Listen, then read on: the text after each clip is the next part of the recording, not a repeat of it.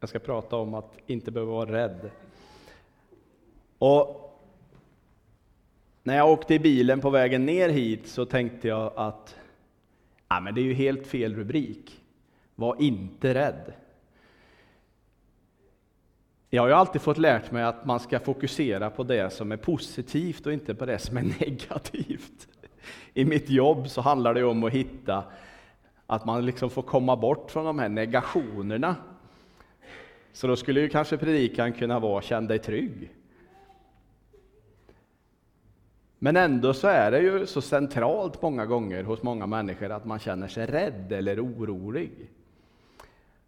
Jag känner mig alltid orolig inför att jag ska tala till exempel, för man, man känner en, en, en respekt för ett budskap och att man faktiskt står och pratar in, inför människor och det gör ett avtryck.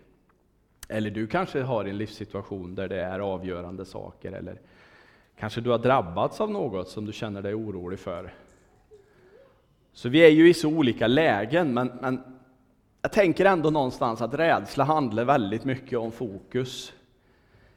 När någonting kommer som tar mitt fokus, som jag kanske inte är beredd på eller som inte blev som jag hade tänkt mig eller sådana saker, så är det väldigt lätt att bli rädd eller orolig. Och då kanske du tänker så här, ja, var inte rädd. Det är ju lätt för dig att säga. När man står på spången och det är 150 meter ner till backen. Och det kanske är där du upplever att du står. Med fötterna på två regler och sen så är det gör långt ner till gatan.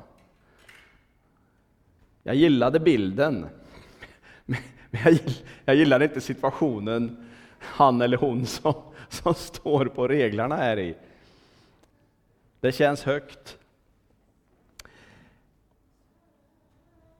Jag är ju inte en speciellt krånglig person på det viset och, och inte samma typ av gåva som, som eran pastor Sam har till exempel, som kanske mer är, är lärare i sin, i sin gåva, utan jag har en annan stil och det tycker jag är, är bra för mig.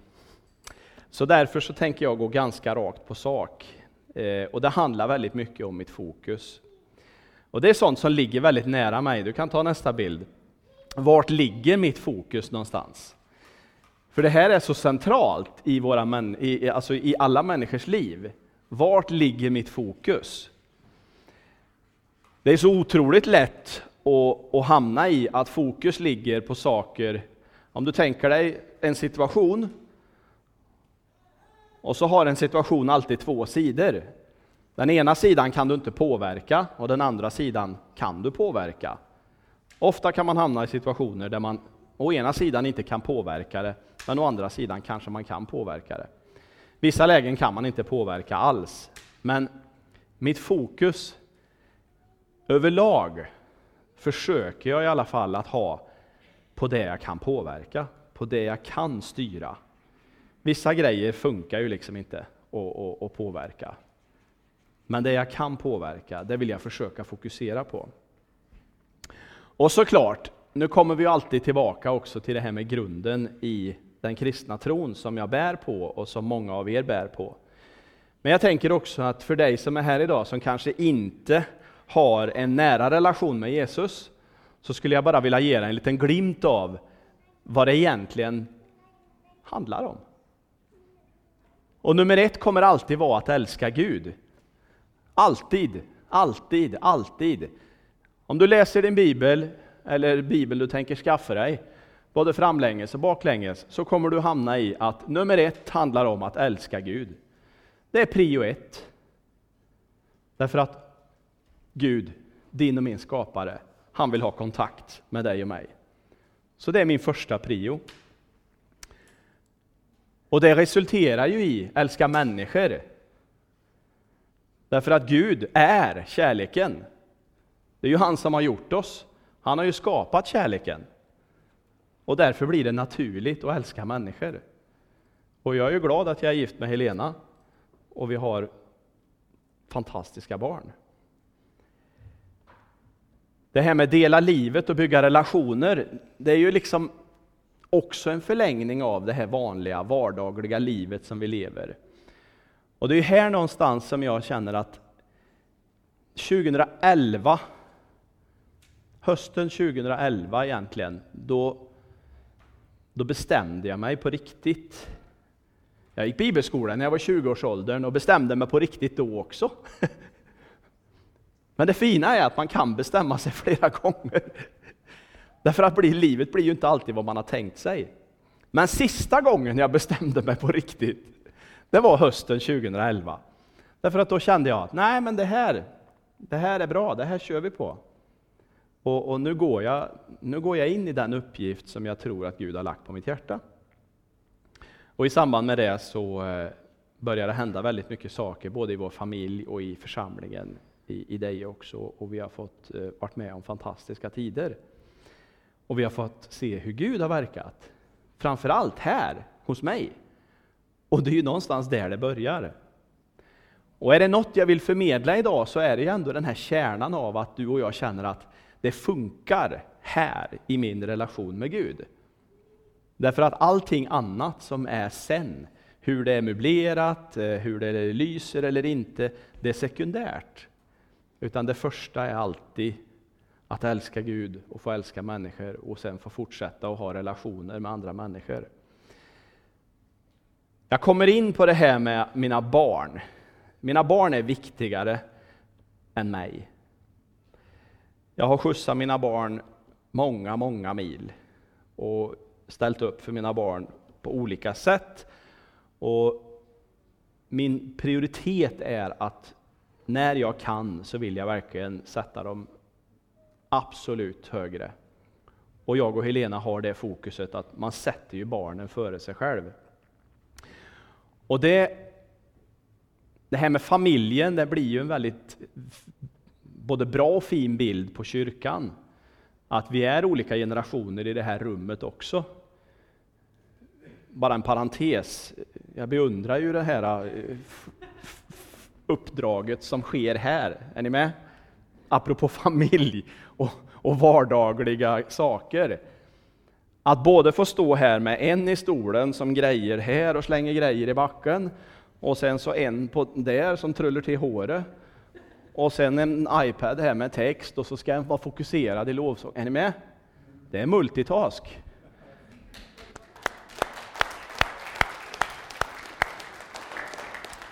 Och lite grann menar jag att det är essensen utav det vi grejar med. Det är väldigt vardagligt, men det är också väldigt heligt. Därför att i vår relation med Gud så är det väldigt vardagligt, men det blir också väldigt gött när vi vänder vårt hjärta till Gud. Och då spelar det nästan ingen roll om det är kaos runt mig, därför att då kan jag ära Gud med mitt liv i alla fall. Och sen tycker jag ju det är otroligt vackert, därför att man har ju med sig barnen i det som händer på ett väldigt påtagligt sätt. Det blir väldigt hands-on, alltså, ja det är väldigt på riktigt. Och så tänker jag liksom om det här med generationsskifte i kyrkorna, som sker om runt i hela vårt land. Och jag tänker också på hur, hur mycket man hör som kan gå fel, när generationsskiften inte riktigt kuggar i varann. Därför att nästa, nästa generation, jag vill att det ska vara min prioritet. Och det har jag slagit fast, att för mig är nästa generation viktigare än mig. Och jag önskar att jag kommer att bli en 75-80-åring som nästan är lite obekväm med att det spelas för högt eller vad det nu görs. Därför att en ny generation har tagit vid och prisar Jesus på sitt sätt. Förstår ni vad jag menar? Man ser att innehållet är detsamma. Man lovar Jesus Kristus, den uppståndne, kungars kung. Men uttryckssätten, de, de varierar. Sen kan man ha olika samlingar för olika uttryckssätt och så vidare. Men det kan vi diskutera länge om. Jag tänker att det är som en stafett. Den här bilden tycker jag är fin. När flickorna tog guld för Sverige de bemästrade taktiken och de bemästrade sträckorna och de visade sig bli då bäst i hela världen på att åka skidor på längden i stafetten häromdagen. Och då tänker jag att det är ju faktiskt så i kyrkorna också, att det är som ett stafettlopp. Och det är ju rätt så häftigt att se när Stina går i mål på sista sträckan. Vad möts hon av? Jo, hon möts av de andra tre som redan har åkt. Och de formligen kastar sig över henne och bildar hög. Och jag tycker att det är en fin bild som också funkar i det verkliga livet i en vanlig familj. Därför att jag växte ju upp hos min mamma och pappa och de har lärt mig saker och de har gjort det bästa de kunde av situationen som var. Och du kanske har en situation med generation i din familj, eller du kanske lever ensam, men då är du med i den här familjen i kyrkan. Och att prioritera nästa generation, att göra det möjligt för nästa generation att ta över, det är så oerhört centralt idag. För vi har ett samhälle som, var det på 50-talet de lanserade det här med individualisten och individualismen, var det så? Var det på 50-talet? Ja. Och sen har man under årens lopp lanserat svenskarna som världens mest individualistiska folk. Och jag tänker ibland så har vi kyrkor blivit smittade utav det. Därför att jag, ja, jag tycker inte om att, tycker inte om att vara med där, för det blir inte riktigt som jag vill längre. Men jag tänker att åh, jag vill bli vaccinerad från den här känslan av att så länge namnet Jesus som enda vägen till Gud talas om, så vill jag vara med och stötta det som sker i kyrkan. Sen kan det bli tokigt ibland, men det får vi ta itu med i kärlek. I en flergenerationsförsamling så är alla människor lika viktiga. Precis alla. Och det är så viktigt att slå fast det i en sån här typ av eh, i ett sånt här budskap, att alla generationer är lika viktiga. Men för alla generationer så behöver ju nästa generation vara den viktigaste. Då förstår ni vad jag menar med tanken kring att mina barn är viktigare än mig, eller hur? För alla är ju lika viktiga. Jag glömde ju inte min mormor Gun när det var julafton eller när det var födelsedag eller när vi åkte upp till, till Norrfors. Så glömde ju inte jag henne. Utan hon var ju en naturlig del i familjen, även om hon kämpade på tills hon blev, tror jag, 86. Så det är ju så med generationer, att det blir olika, det blir olika skiften. Och det ser vi i Deje också, att det är generationsskiften och att det är lite olika åsikter och så vidare.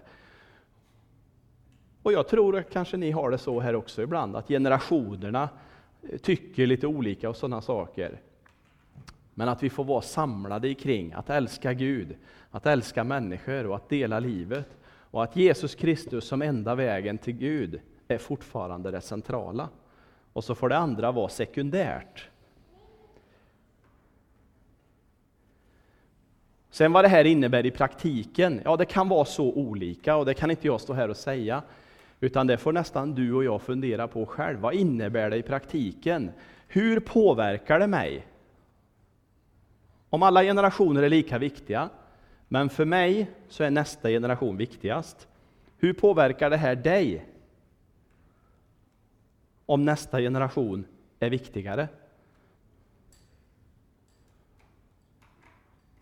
Och då kanske du som är äldst här tänker, vem bryr sig om mig då? Vem bryr sig om mig då? Om alla generationer ska bry sig om nästa generation, vem ska bry sig om den äldsta generationen då? Det ska vi allihopa göra. För vi har ett arv. Och vi har en föregångare som har varit med och byggt det här. Och vi ska ha en respekt för alla människor i Guds familj. Jätteviktigt. Lite grann för att knyta ihop säcken. Var trygg hos Gud, för han bryr sig. Fokusera på det du har. Fokusera på det som är inom räckhåll, tänker jag också. Att ägna sig åt sånt som ligger superlångt fram, det känns ibland nästan för jobbigt för mig att tänka på, utan jag får försöka ha det som är inom ett eller två steg att fokusera på. Och att jag fokuserar på det som faktiskt leder mig framåt. När jag tankar min Volvo så häller inte jag i bensin i den, utan jag häller i diesel. För det står en dekal där bak där det står diesel. Om jag tankar bensin då kommer inte bilen att funka. Alltså behöver jag fokusera på diesel. Om jag fokuserar på bensin för att jag tycker att ja, men det vore ju fränt med bensin, så går det inte. Det är sunt förnuft. Och jag tror att ibland i vår vardag så finns det också sådana saker, att sunt förnuft får styra oss framåt. Vi vet att visst bränsle som vi stoppar i oss, det är rena skräpet och det leder oss bakåt. Det finns sånt bränsle som automatiskt lägger i backen i ditt och mitt liv. Och så finns det sånt bränsle som per automatik lägger i ettan, tvåan, trean och, och hjälper oss upp, att få upp farten. Fokusera på det som ger bärighet. När jag är uppe i Sysslebäck och jagar älg så går vi ibland över såna här mössor. Och en, en av de här myrarna, lillgångmyren, den är göräcklig att gå över, för den är så mjuk. Och då kan ju inte jag fokusera på de ljusgröna områdena, utan jag måste fokusera på de mörkgröna områdena. Med tuvor, för där bär det till och med mig. Kliver jag där det är ljusgrönt, då går det ju rätt igenom. Och det tänker jag också är sådana här små vardagliga saker som hjälper oss. Om vi tänker oss att Jesus han är svaret, vad är frågan då? Vi säger ju ibland, eller det finns en sång va, som är Jesus han är svaret för vår värld idag. Ja, vad är frågan? Ja, vad är din fråga? Vad står du inför för frågeställning i ditt liv? Vad står du i för situation i ditt liv? Vad är din fråga? Om du hade Jesus face to face, ansikte mot ansikte, vad är det första du skulle be honom om? Vad är nästa steg i ditt och mitt liv, tänker jag.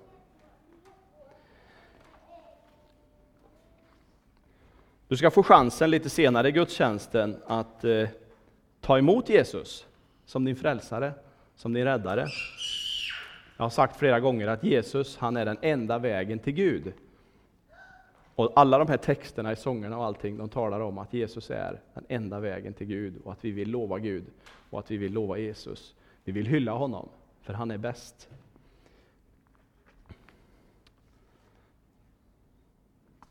Bra. Vi fortsätter så. Tack så mycket.